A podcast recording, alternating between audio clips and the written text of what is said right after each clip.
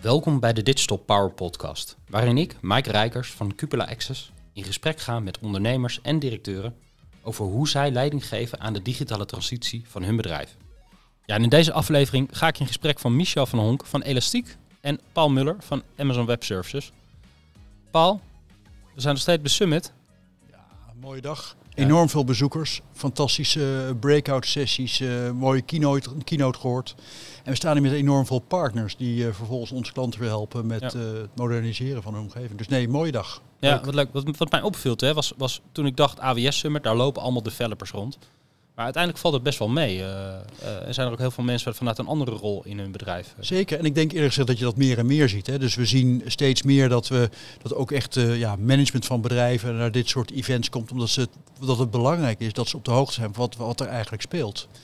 Um, ik denk wel in alle oprechtheid van origine doen wij het heel goed bij developers. Hè. Dus developers vinden AWS leuk. Het maakt hun leven makkelijker, zijn ermee thuis. Maar je ziet steeds meer dat op andere niveaus besluiten worden genomen door het hele bedrijf heen ja. over technologie. Zie je dat ook, Michel? Dat zie ik zeker. Wat je eigenlijk ziet is dat er een uh, absolute verschuiving, maar dat zeg jij al. Um, dat, die, die vindt heel erg plaats uh, van techniek naar, naar management, ja. naar marketing zelfs. Ik ben van huis uit marketing geschoold ben nu uh, per ongeluk terechtgekomen in een, uh, een IT-omgeving. Ja. Uh, en dan zie je echt gewoon dat het hele marketingdenken, dat het eigenlijk postvat bij, bij, bij die organisaties en, en bij onze opdrachtgevers. Ja. Kan je even een introductie geven wat Elastiek doet en wat jouw rol is daarbij? Uh, heel, heel, heel, eenvoudig. Elastiek is een uh, Cloud Native Development Agency. Dus wij bouwen eigenlijk uh, Cloud Native applicaties. En dan houden we eigenlijk van één hele mooie stack. En die heet natuurlijk AWS. Er schijnen nog andere stacks te zijn waar wij soms op ontwikkelen. Maar ik, ik ben van vanochtend vroeg hier aanwezig. en dan zie je wel dat AWS natuurlijk een, ja. Nou ja, waarschijnlijk de absolute toploper is. En ik geloof 3300 vernieuwingen de afgelopen jaar heeft toege, toege, ja. toegepast, hoor ik zojuist. En ik ben managing director daar. Um, dat betekent dat je per definitie niet heel veel verstand van techniek uh, hoeft te hebben. Ja. Alleen recent wat geschoold op, uh, als, uh, als AWS Cloud Practitioner. En dat helpt heel erg in het, in het kunnen volgen van, van in ieder geval van je collega's. Ja. Dus dat, dat werkt uitstekend. En kan je, kan je mij helpen begrijpen, wat maakt een applicatie nou cloud native? Uh, dat je eigenlijk als basis uh, de bestanddelen neemt die, uh, die AWS-developers eigenlijk voor jou genomen hebben. Um, eigenlijk is het zo dat AWS heeft een groot aantal services. Um, en die services die kan je eigenlijk gebruiken om een applicatie te bouwen. Ja. Daar moet natuurlijk nog wel veel rondomheen geprogrammeerd worden om ze werkend feitelijk, veilig te krijgen. Maar eigenlijk is een groot deel van de, van de basiselementen van de applicatie die zijn al gebouwd door de AWS. En die zijn en die, die, gebruik, die, gebruik je dan. Ja. En dat zijn soorten technische randvoorwaarden, die zijn er eigenlijk al. En ja. dan ja kan je zeggen dat jullie focus meer op de, de, de eindgebruiker en de, de oplossing ligt, zeg maar? Nou, ja en nee. Want je moet nog steeds zorgen dat uh, de applicatie, dat, die, uh, dat ze, nou, congruentie is het verkeerde woord, maar dat ze het uh, optimaal met elkaar samenwerken en daar een keuze in maken natuurlijk. Hè. Ehm, maar vervolgens moet je, dan bouw je natuurlijk wel dingen die juist gericht zijn op die, op die eindgebruiker. Want we hebben het altijd over, misschien kunnen we het daar later over hebben, over de customer journey. Ja. En daar gaat het denk ik, uh, daar gaat het om. Hoe ja. gaat die eindgebruiker, hoe gaat hij het, uh, hoe gaat hij het gebruiken? Uh, ja. Optimaal gebruiken. Want dat leidt tot een zeker resultaat, een eindresultaat. En dat is fantastisch werkende applicaties waar onze opdrachtgevers hun voordeel mee doen. En, en, misschien komt dat terug in jullie, jullie aanpak, zeg maar. Want jullie hebben een methode, Think, Design, Make. Ja. Kan je dat toelichten? Ja, dat begint uiteindelijk mee. Dat heet, uh, veel bedrijven noemen dat een design en discovery. Ik denk altijd dat de verkeerde volgende is, want je moet eerst discoveren om daarna iets te kunnen designen. Ja. Hè? Maar goed, ik weet niet precies uh, wat de oorsprong daarvan is. Uh, think, design, make. Hè? Letterlijk think. We denken eerst, daarna designen we en daarna maken we het. Dus eigenlijk gaan wij zitten met opdrachtgevers en daarin gaan wij vaststellen, wat is hier eigenlijk je probleem? En dan proberen wij altijd achter het businessprobleem of de business opportunity te komen. Dat kan zijn, het is nu een papieren stroom en we willen dat, we willen dat uh, ik, sorry voor dat soort woorden, hè. Ik, dat zeggen oude mensen, geautomatiseerd hebben. Ik zal het hierna niet meer proberen. GeïT'd hebben. Um, dat, dat, hè, dat, dat uh, is een voorbeeld. Of je kan zeggen, ik wil besparingen, ik wil efficiëntie uh, wil, ik, wil ik bereiken. Of ik wil zorgen dat mensen niet meer hetzelfde geestdodende taken zo'n beetje gaan doen. Dus daar gaan we eerst met ze over praten, wat je, wat je probleem is. Dat, ja. Dan gaan we denken, hoe kunnen we dat oplossen? Dan designen we letterlijk een oplossing daarvoor. Hoe, hoe gaan we dat doen? Dan komt AWS al heel vaak om het hoekje kijken. Hè? Welke mogelijkheden hebben we daarvoor? Ja, maar- Welke, Mag ik nog één stap terug naar Tuurlijk. Think? Hè? Want, want hoe, hoe identificeer je nou met, met jouw klanten wat, wat, wat, wat de problemen zijn waar ze tegenaan lopen? dat is- en hoe is- bepaal je prioriteiten? Ja, dat is, nou, dat, is bijna gewoon het oude marketingdenken. Ehm ehm, weet je, vroeger heette, het Think heette gewoon een marketingstrategie eh, maken. Dat was gewoon gaan zitten met de opdrachtgever en zeggen, oké, wat is jouw business? Wat is jouw business uitdaging? eh, de uitdaging? Welke concurrenten heb je? Eh, welke producten? Wat is jouw kernproduct? Wat maakt jouw product uniek? En, daarbij, en daarbij, wat is letterlijk de digitale voorsprong die jij zou willen halen met de applicatie? Ja. Dat, is, dat is eigenlijk uitvragen. En natuurlijk ook gewoon eh, consument of eindgebruikers eigenlijk eh, eh, interviewen, erbij halen. En als je, als je die think hebt gedaan, dan maak je al vaak een prototype. En dat leg je ze voor. Is het dan ook zo eigenlijk dat het een soort van continuous cycle is? Dus het herhalend? Want op een gegeven moment, je hebt het, gedi- je hebt erover nagedacht, je hebt het gedesigned, je hebt Ja. het gebouwd. Vervolgens heb je het gebouwd en dan zul je wel zien, in het gebruik komen weer nieuwe wensen, toevoegingen, et cetera. Ga je weer nadenken, ga je weer... Dus het is een constante... Ja. Kijk, kijk ik, ik, wil, ik wil niet te veel eh, complimenten voor aan eh, AWS maken natuurlijk. Hè. Daar moet ik constant voor uitkijken. Ehm, maar dat, dat is juist ook het mooie aan de cloud. De cloud stelt jou dus als, als geen ander in staat om eigenlijk relatief, eh, nou, je kan zeggen klein te beginnen. En vervolgens daarna het groter te maken of aan te passen.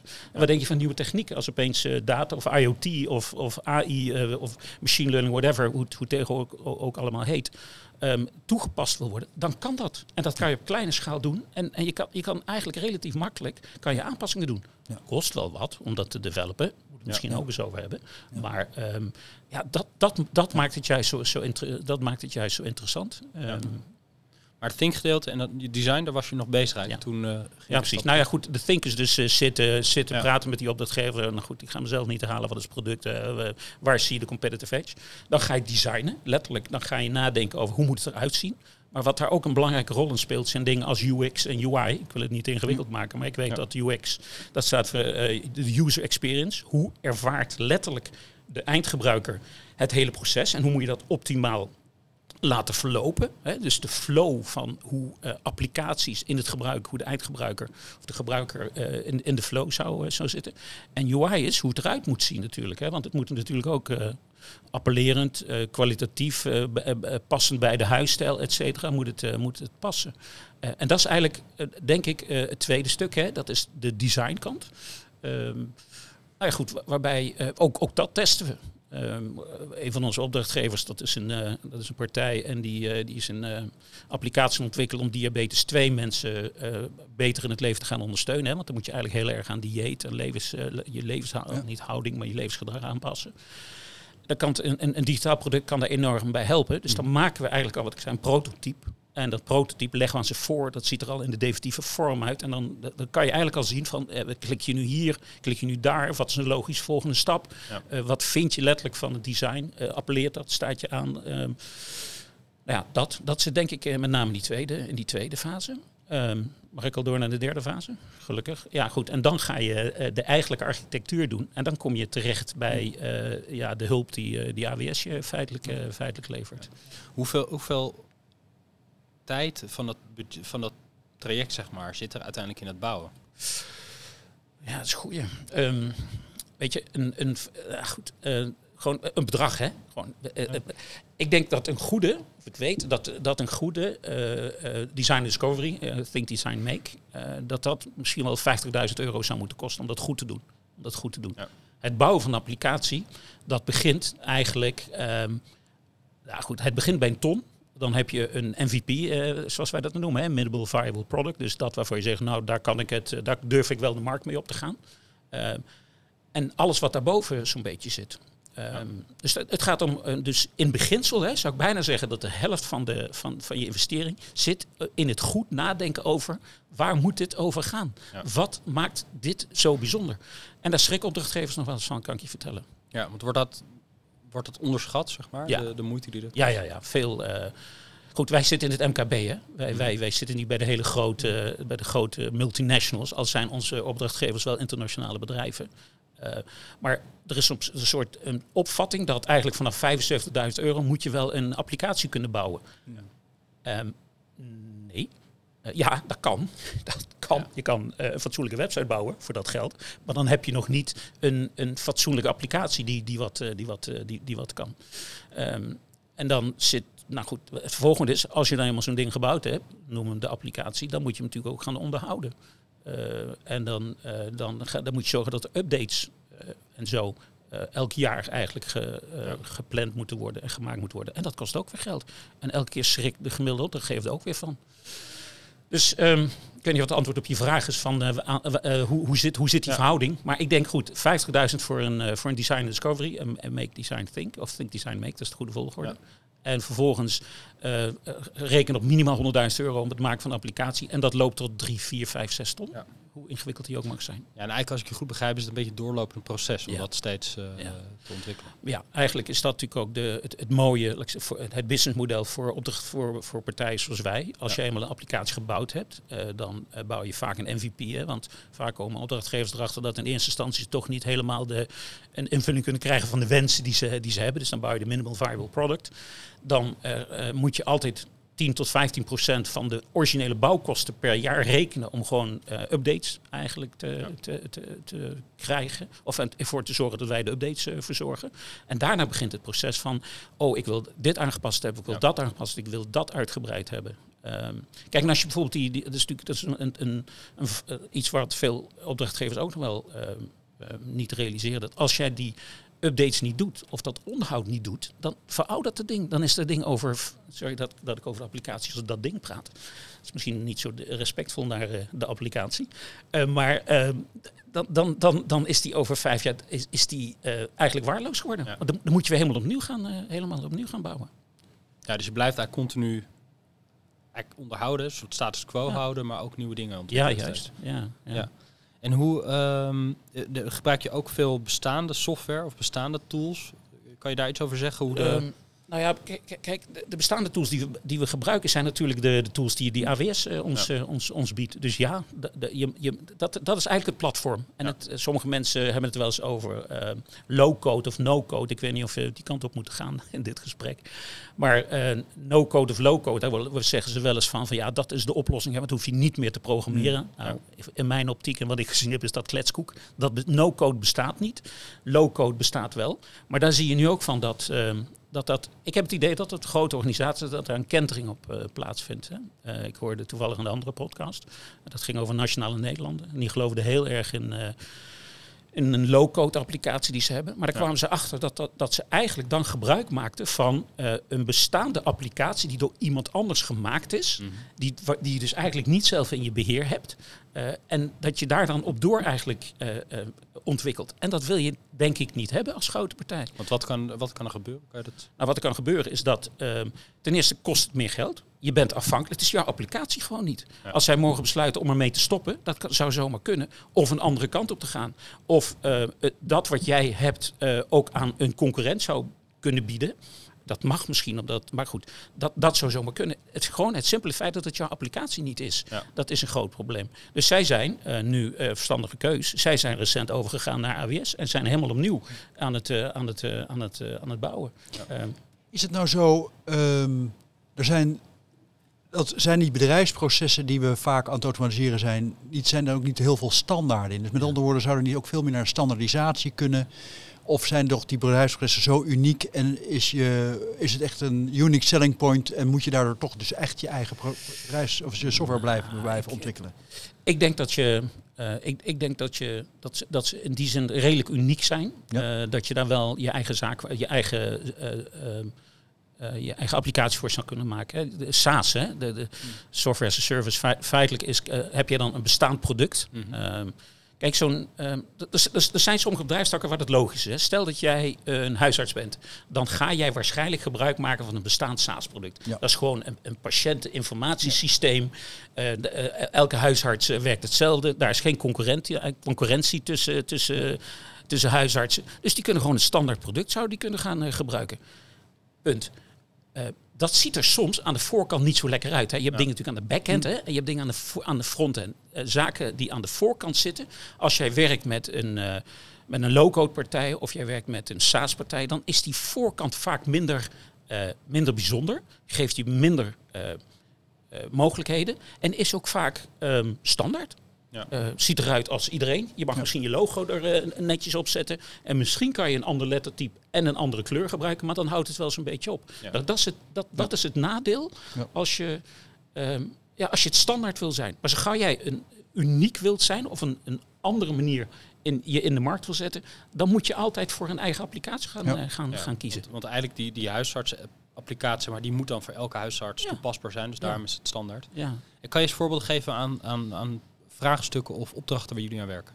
Nou ja, kijk, ehm, wij, wij, hebben een, verschillende, verschillende soorten opdrachtgevers. Dat is heel breed. Hè? Ehm, een van onze ehm, eh, ge- gewaardeerde opdrachtgevers. Ik zeg trouwens nooit klanten. Ik weet niet waarom, want ik, eh nou, klanten vind ik een stom woord.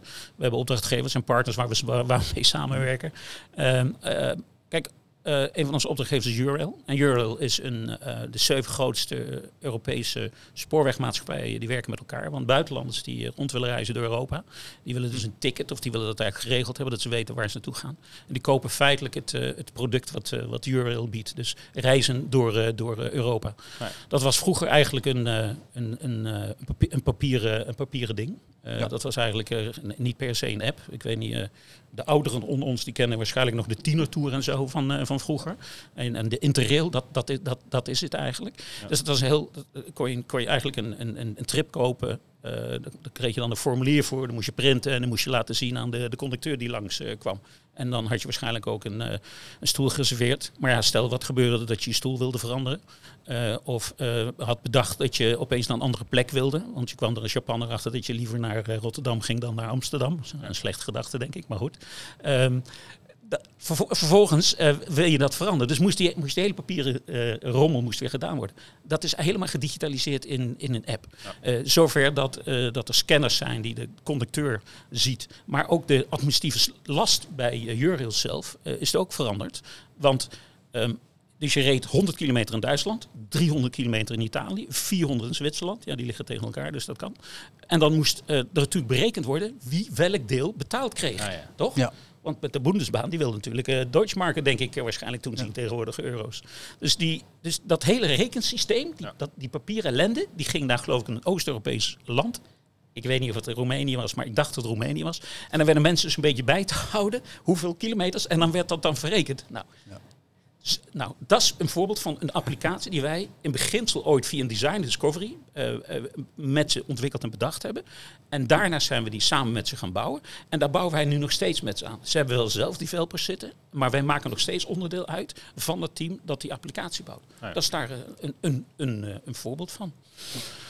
Ehm, En, en maar zitten jullie expertise dan op de, de kant van die, die reiziger die makkelijk zijn tickets wil boeken en dat kunnen bij? Of ook aan die achterkant waar die administratie versimmeld wordt? Eh, allemaal, eh, alles. Dat maakt niet uit. Kijk, wat een developer vaak doet, nee, wat wij doen, eh, samen met een developer straks, is dat wij gaan gewoon zitten en zeggen, hoe zit be- Begin eens te vertellen. Ja. Begin nou eens te vertellen, opdrachtgever. Wat doe jij? Hè? Dan heb je weer, begin met te denken. Hè? Wat doe jij nou? Eh, welke systeem heb je? Waar, hoe wordt dat dan geadministreerd? Dus wij gaan helemaal terug in zo'n organisatie. Niet alleen over wie ze zijn, wat ze zijn, maar ook over welke eh, processen en stromen er in zo'n bedrijf eh, lopen. En die bespreek je met ze en die analyseer je. En dan kom je eh, in gesprekken erachter dat zij zeggen, ja, wel een beetje, of wij zeggen dan ook, of wij samen zeggen, dat is wel een beetje gedoe, hè? Dat ene weer sturen van die formulieren, en dan raakt er vast wel eentje kwijt. En wie, wie en, weet je zeker dat, dat het goed geschreven is dat er 200 staat en niet 600 staat? En nou ja, dat, dat hè. Dus dat is, dat is dus de mix. Dat zit zowel aan de, even aan de voorkant als aan de achterkant. Ja. Eh, of achterkant of voorkant. Ja, zoiets. Ja, oké. ik snap dat de achterkant, hè, de- die administratieve gedeelte, eh, uiteindelijk komt de vraag vanuit mensen die met iets werken wat gewoon niet handig is. Nee, precies. Ja, ja, dat, ja, ja. Ja, maar goed, weet je. Maar ik weet niet of dat, dat een ander, een ander eh, voorbeeld is. Eh, wij, eh, wij werken samen met het Radboud Medisch Centrum, afdeling logopedie. Mm. Mensen die Parkinson hebben, dus een Parkinson-netwerk heet dat. Dat Ja. zijn dus logopedisten die een specifieke opleiding krijgen om Parkinson-mensen te helpen. Dat heeft hij met stem te maken. Mensen die Parkinson hebben, die gaan blijkbaar zachter praten. En dat moet getraind worden, anders letterlijk in het dagelijks is dat buitengewoon onhandig. Nou, dan ga je zitten met die, die opdrachtgever. En wat we daar uiterlijk, on- en dat is meer aan de gebruikerskant. Hè.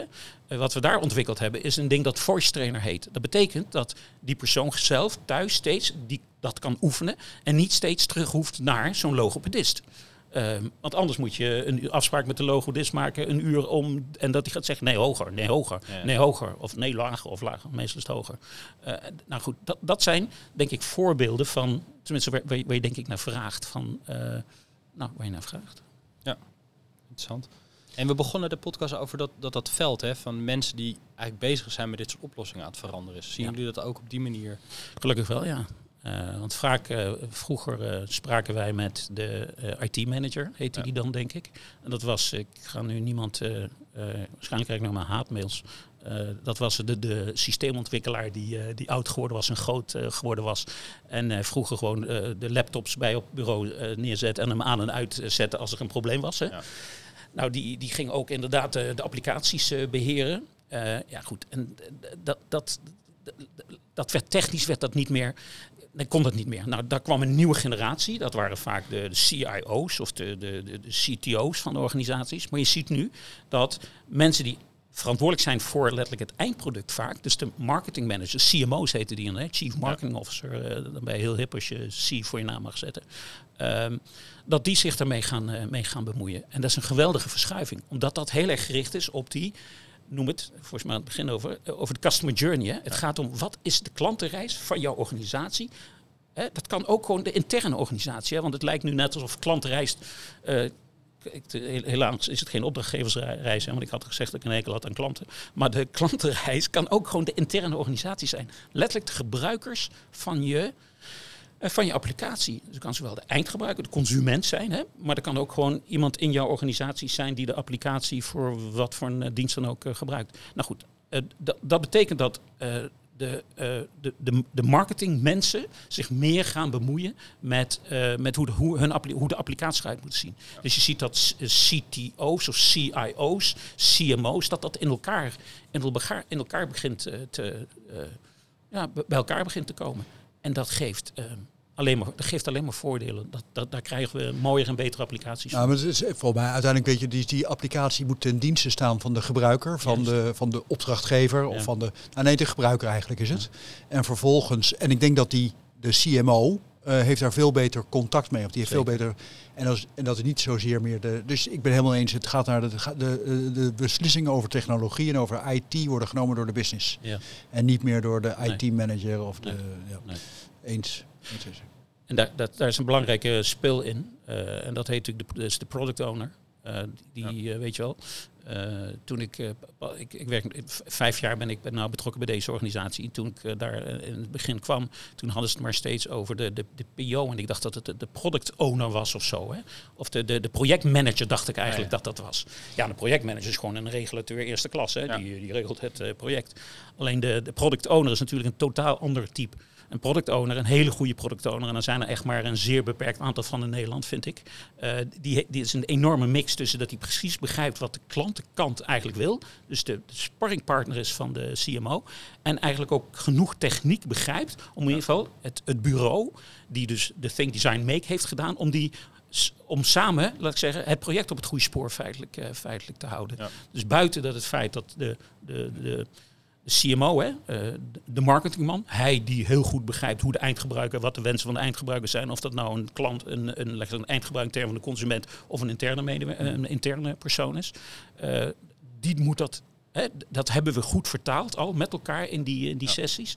En dan is er iemand die dat spoor steeds moet volgen. En, en dat is die product owner. De ja. product owner. Dat is, ja, dat, dat, is ook een hele belangrijke nieuwe, nieuwe functionaris. Ja. Het mooiste kan je in een, in een weekend kan je je certified product owner kan je noemen.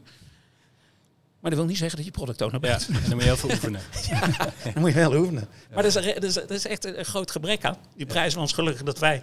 Uh, wij stellen het ook eisen in de contracten die wij hebben... of de overeenkomsten die wij met onze klanten uh, doen. Zeggen wij gewoon dat wij een zeer kwalitatieve product owner uh, willen hebben.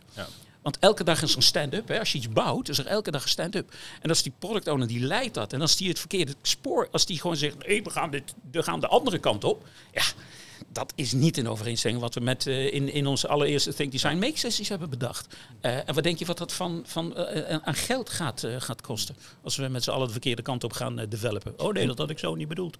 Je zegt ik leg het in de, in de contract vast. Is dat ook een rol die bij de opdrachtgever moet, moet zijn? Of leveren jullie die? Nee, in principe willen wij dat de opdrachtgever de product owner levert. Ja. ja. Want, die, die, kan, want die kan echt gewoon, die kan ook zeggen, stop, ja. stop.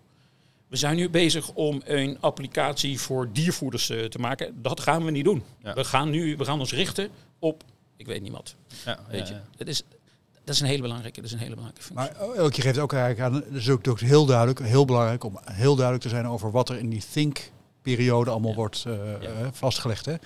Uh, want dat is, dat is wel essentieel. Want dat, is ook wat, dat, is ook, dat is ook voeding voor de product owner om mee aan de slag te gaan. Ja, kijk, wij, wij nogmaals, ik moet vroeg, maar toen, toen ik inderdaad voor het eerst hiermee geconfronteerd werd als een relatief nieuwe markt, toen dacht ik, ah, je weet van tevoren, weet je eigenlijk wat, wat een applicatie kost en zo.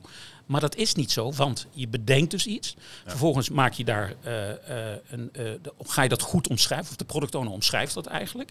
dat heet een backlog. Hè? dat was voor mij ook een, nieuwe, een, een, nieuwe, een nieuw begrip. Inmiddels al lang niet meer. Ehm, en in dat backlog staat eigenlijk precies welke functionaliteiten er zijn en wat we gaan doen. Ja. En dat wordt van tevoren, contractueel wordt dat vastgelegd. En de bewaker van die backlog, en die elke dag moet bepalen of we nog steeds ontrek op de backlog zitten, dat is feitelijk de product owner. Ja. En vaak schrijven wij die, omdat de product owner dat uh, niet handig vindt, of dat wij, nou goed, we hebben daar meer ervaring mee, omdat wij dat dagelijks doen dan misschien een product owner. Dus daar helpen we die persoon wel bij. Maar uh, ja. Het is wel interessant dat je, dat je opdrachtgevers ook dwingt om daar dat te organiseren, zeg maar. Dat er iemand is die die vertaling kan maken. In plaats van dat je toch, wat misschien een beetje traditioneel is, als bureau gaat proberen om die vertaling te... Ja, Dat is niet, dat is, kijk, dat is, dat is de agile manier van werken natuurlijk. Uh, we, we, van tevoren, kijk, er kunnen gedurende het proces kunnen er uh, marktomstandigheden, um, nou, er kunnen, kunnen, van allerlei dingen kunnen gebeuren die ervoor zorgen dat je besluit om het toch net even iets anders te maken dan dat je oorspronkelijk uh, bedacht had. Een applicatie maak je ook niet in, um, in um, in, in, in een maand of twee, uh, weet je, uh, een fatsoenlijke applicatie. Dat duurt wel even om te bouwen. En als je daarna met iteraties begint en je gaat doorontwikkelen en na de MVP, kan het wel eens zijn dat je toch uh, terugkomt op eerdere stappen. Die, die, of, of eerdere, eerdere gedachten die, je, die, je, die je had. Ja. Nou, mooi Michel. Mooi, ik denk maar uitgangspunt dat je moet streven naar een soort onderscheidend iets in je applicaties. Ook. Ja. ja. Dat is een mooie ontwikkeling. Nou, dankjewel voor het gesprek. Paul. Dankjewel. Bedankt. Leuk erbij te zijn. Dankjewel. Bedankt voor het luisteren naar de Digital Power Podcast. De Smart Business Series zijn powered bij Amazon Web Services, Cloud Nation en Luminous. Je leest meer op cupulaaccess.nl slash digitalpower.